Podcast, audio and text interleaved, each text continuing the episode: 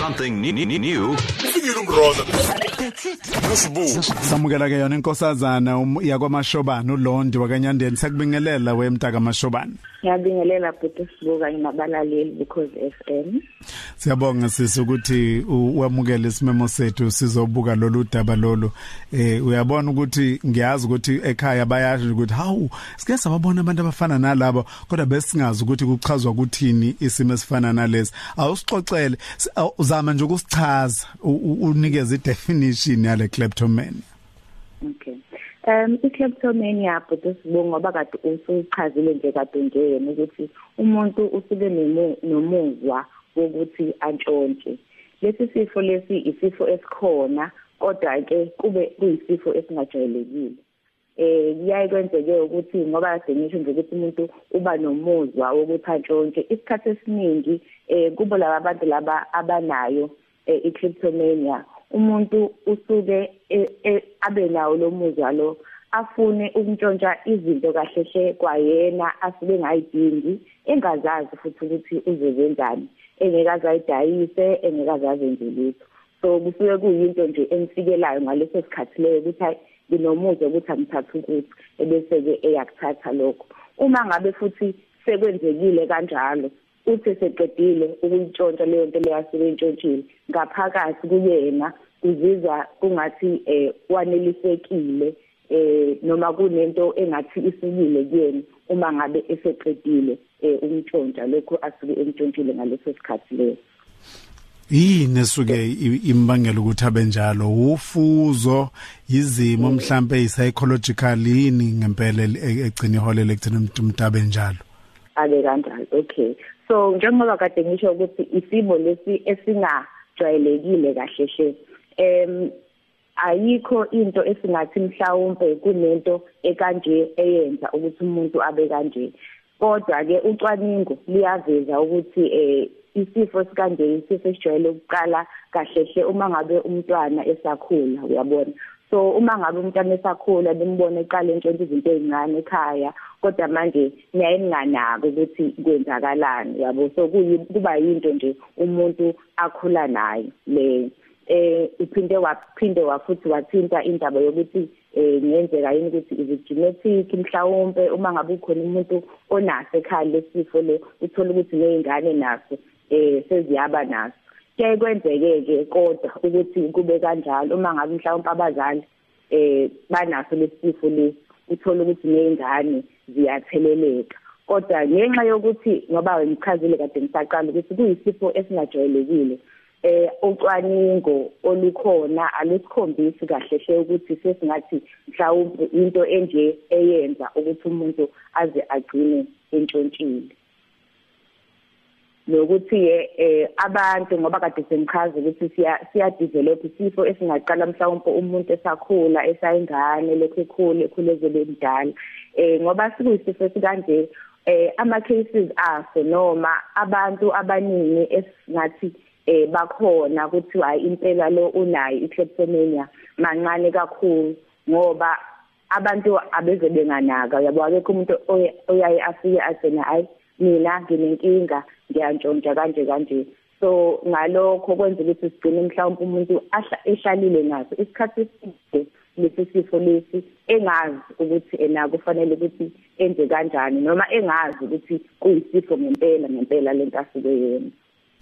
Ngiyabheka nje ukuthi eh khaya eh, umuntu umuntu onjalo komakhelwane mhlawumbe emsebenzini ngabe enkonzweni yabona abantu bezokuquza ngendlela yabona engigcina ikuthusa nawe ngoba phela wenza into one ngendlela ochaza ngayo ungazi ukuthi umuntu akayiplane lento iyazenzekela ngaleso sikhathi.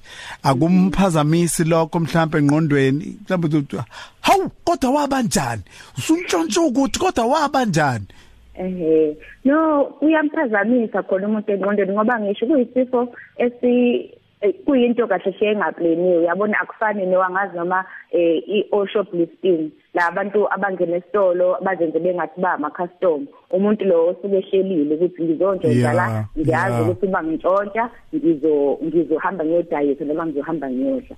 Kanti kumuntu one-kleptomania akaplain kuvele nje kuba into eyifikelayo yabo. Angantshontsha ngisho nimbuka nimbhekela ayithathe into nje nimbhekile. ayithathe nimbhekile. Uthola ukuthi ngisho into eh onawe ngoba kade uchazisa ongazi ngempela ukuthi kahle hle lo muntu ngoba eyithatha lento le uzoyenzani? Uzoyenzani ngempela? So unayo ifoni nayo kodwa uyayibona. Kuzwa nje kuyena ukuthi akayithathi ayithathe eh lokho ke ngoba kade uchaza akuve umuntu kumphazamisa kakhulu ngoba phela siyathetha yazi emakhaya kuyathetha uthi hayi wenzani?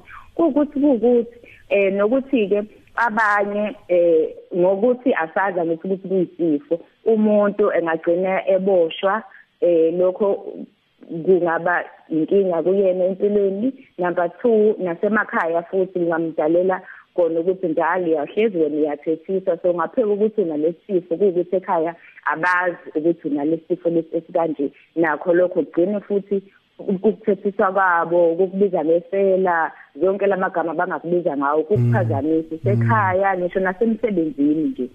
Ngoba phela kuyenzeka ukuthi nabanye yebo sikhona emhlabeni siyaphila unaso isifo uyasebenza njalo emsebenzini abantu balokho bakhala ngokuthi hayibo mina ngilahlekelwe ukuthi mina ngilahlekelwe ukuthi. Yabona nawe mhlawumbe begcine sebethulile ukuthi wena kodwa manje nxa ukuthi abazi ukuthi unesifo esikanje mhlawumbe ungagcina usulahlekelwa ngisho kwayo lowo msebenzi lowo onawo.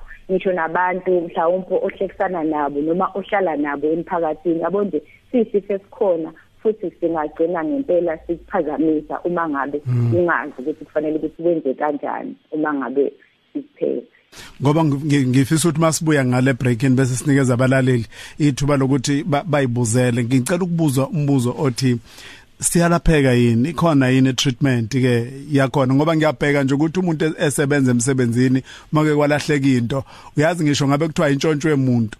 Kodwa nje makukhona umuntu onjalo e, kungaba sekhaya engabe emsebenzini kuvele kube lula ukuthi ubani. Uyakwazi ukusizakala mhlambe eh ngoba kuyisifo esikanjena ke eh kubalekile mhlawumbe engafanele ukuthi ngiqale ngichaze ukuthi eh lesi sifo lesi asijwayelekile ukuthi uma ngabe umuntu esimphethe kube sihambe sodwa nje iqekelele yabo kube kuthiwa umuntu necliptomania hmm. sijwayele ukuthi zivele ngokuthi mhlawumbe eh, uba nesinye isifo osukunaso psychological um illness mhlawumbe uyabona into efana no depression kanje ukuzizwa eh, ukhathazekile kakhulu emoyeni noma no anxiety ukuzizwa usaba nawe ungazi ukuthi usabani. So uma ngabe ke lowo muntu loyo enalezo zifike kanjalo izona ejwayele ukuthi zigcine ziveza ukuthi ikhona nayo le kleptomania le kuyo le depression noma kukho lokhu ukukhathazeka emoyeni nakukho lokhu ukuzizwa isaba ungazi ukuthi wenze njani. So kwi treatment ke njengoba kade usho um ikhona yona into engakwazi ukuthi eh ibasize abantu kodwa ke eh akusho ukuthi kuyaphela nyanya nya ngoba dingisho isifo esingajwayelekile. Kodwa eh akhona amaphilisi psychiatric medication abantu abangakwazi ukuthi eh basize odokotela abangakwazi ukuthi bakhiphe umuntu asize. Eh lokho ke akusho ukuthi kusiza ukuthi kuyeke ukutshontsha kodwa kukusiza ukuthi kulomuzwa lo osukuwuzwa eh ungakantshontshe uwazi ukuthi ulawuleke uma ngabe uphuza lawo maphilisi lawo. Eh noma ke nathi njengama psychologist siyakwazi ukuthi sikusize sikweluleke. Noma ke kuyinto engathatha mhlawumbe isikhathi eside kodwa lona usizo lukhona uma ngabe sekwazeka ukuthi ngempela ngempela umuntu unaso lesi sifo lesi sikanjeni upsychologist uLondi wakanyandeni esikhuluma naye sibheka ikleptomania umuzwa nje wongalawuleki wokuntshontsha. Ngiyathuka kwasamini baphathi bokhoze FM baphathi bohlelo. Ngibulise yonke indawo sikhule sinaye thina ngasekhaya ubekatshontsha. Hey ubetshontsha enye indlela exakile esiZulu uyazi ubetshontsha to an extent yokuthi manivakashile nifika ninikezwa itiye yokuthi niphuze. Uthola ukuthi umuntu uzonidekela itafula nifakele ushukela lapho no-tea bag nama-teaspoon. Yena atshontshe ama-teaspoon. Kuthi mase kumele ukuthi kwenziwe itiye manje ayisekhona le teaspoon sekayithathile. Bese uyibuzwa nje ukuthi hayibo lo muntu khathi kutshontsha bani lokho okunjena na? Hey hmm. hey hey sanibonani sibu. Mina ngusicelo usimantu wakancwane ekhaya kusenanda ngilayitshile eminyama ngokuhlala ngakhe khona. Hey mina umfana kamalume wami wesibuku ukathi uzantshontsha emsebenzini into engazi ukuthi uzoyenzani? Afika intshontsho uthi wenzela ukuthi abone ukuthi iphoyisa lizombamba ukuthi uyintshontshile afike ngaphandle kwegate afika ilahle futhi afike ngafikile naye Uyabezwa kabalaleli beyikhulumela ukuthi lezi zimo ngempela zikhona. Sibone ukuthi sokwazi ukuthola nje umlalelo oyedwa. Empeleni ababili ukukhoza sakubingelela.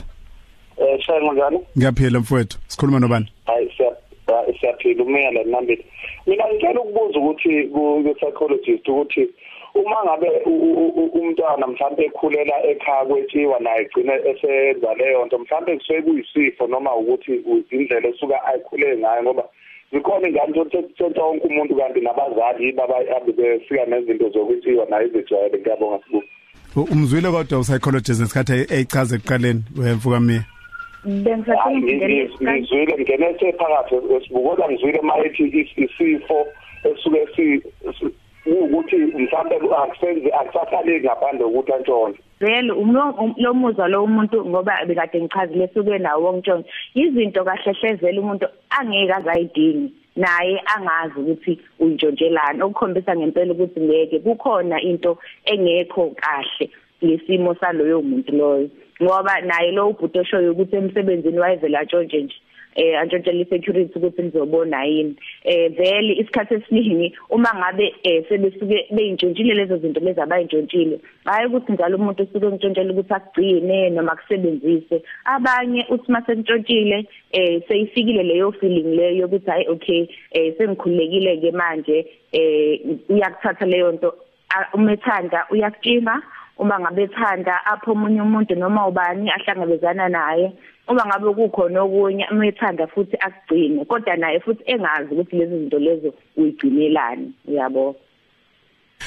So kusho ukuthi ngoba ngiyakhumbula ukuthi ekuqaleni ubalulile ukuthi uma beze kinini bezocela usizo njengama psychologist noma mhlambe bekodokotela bebenikeza amaphilisi ni udinga futhi nomndeni ukufundisa ukuthi ukwazi ukumsekela esimeni sakhe. Kusho ukuthi bamqonde kuba bona bamqonda kangcono nokumlekelela ngesikhathi ethatha treatment yebo bhuti kubalekile kakhulu ukuthi sisebenze nemindeni uma ngabe amen kanje hayi nokuthi amen ze kleptomania but nje amen ze ze ezihlangene nokungaphatheki kahle komuntu ngokomqondo ngoba unga ungadila nomuntu wena umbona eyedwa. Kodwa uma ngabe umuntu eqeda ukuphuma eofisini lakho ubuyela back to umndeni wakhe eh ubuyela back to emsebenzini or kubantu laba abanga understand ukuthi kahle hle kwenzakalani. Akaze kwehlela ukuthi afika athathe lo ipen lakho noma izinto zakho osebenza ngazo la. Ipen emsebenzini. Hayi cha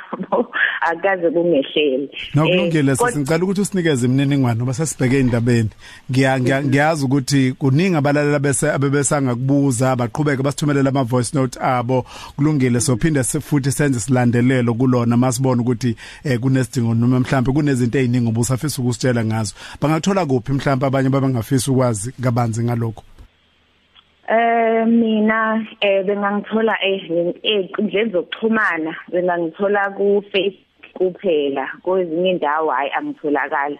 Ngiwulondi wakwanyandeni kuphela nje. ulondi wakanyandeni ku Facebook yes, londi londi nyandeni ku Facebook yebo. Sisiyabonga kakhulu ukuthi usiphe isikhatsi sakho. Yebo ngiyabonga kakhulu nami ulondike wakanyandene kade sikhuluma naye sibheka lolu isimo lesi ngazi noma kuyisifo kleptomania le. Muzwa nje wokuntshontsha uthi futhi uma usutshontshile uzizwe sengazi ukuthi uze kukhona into ethe nje cosololo mzila udokotela echaza ethi kuvele ukuthi uzizwe wenelisekile ukuthi nje coso. Siphusha umculo. Sengaphela 12 to 3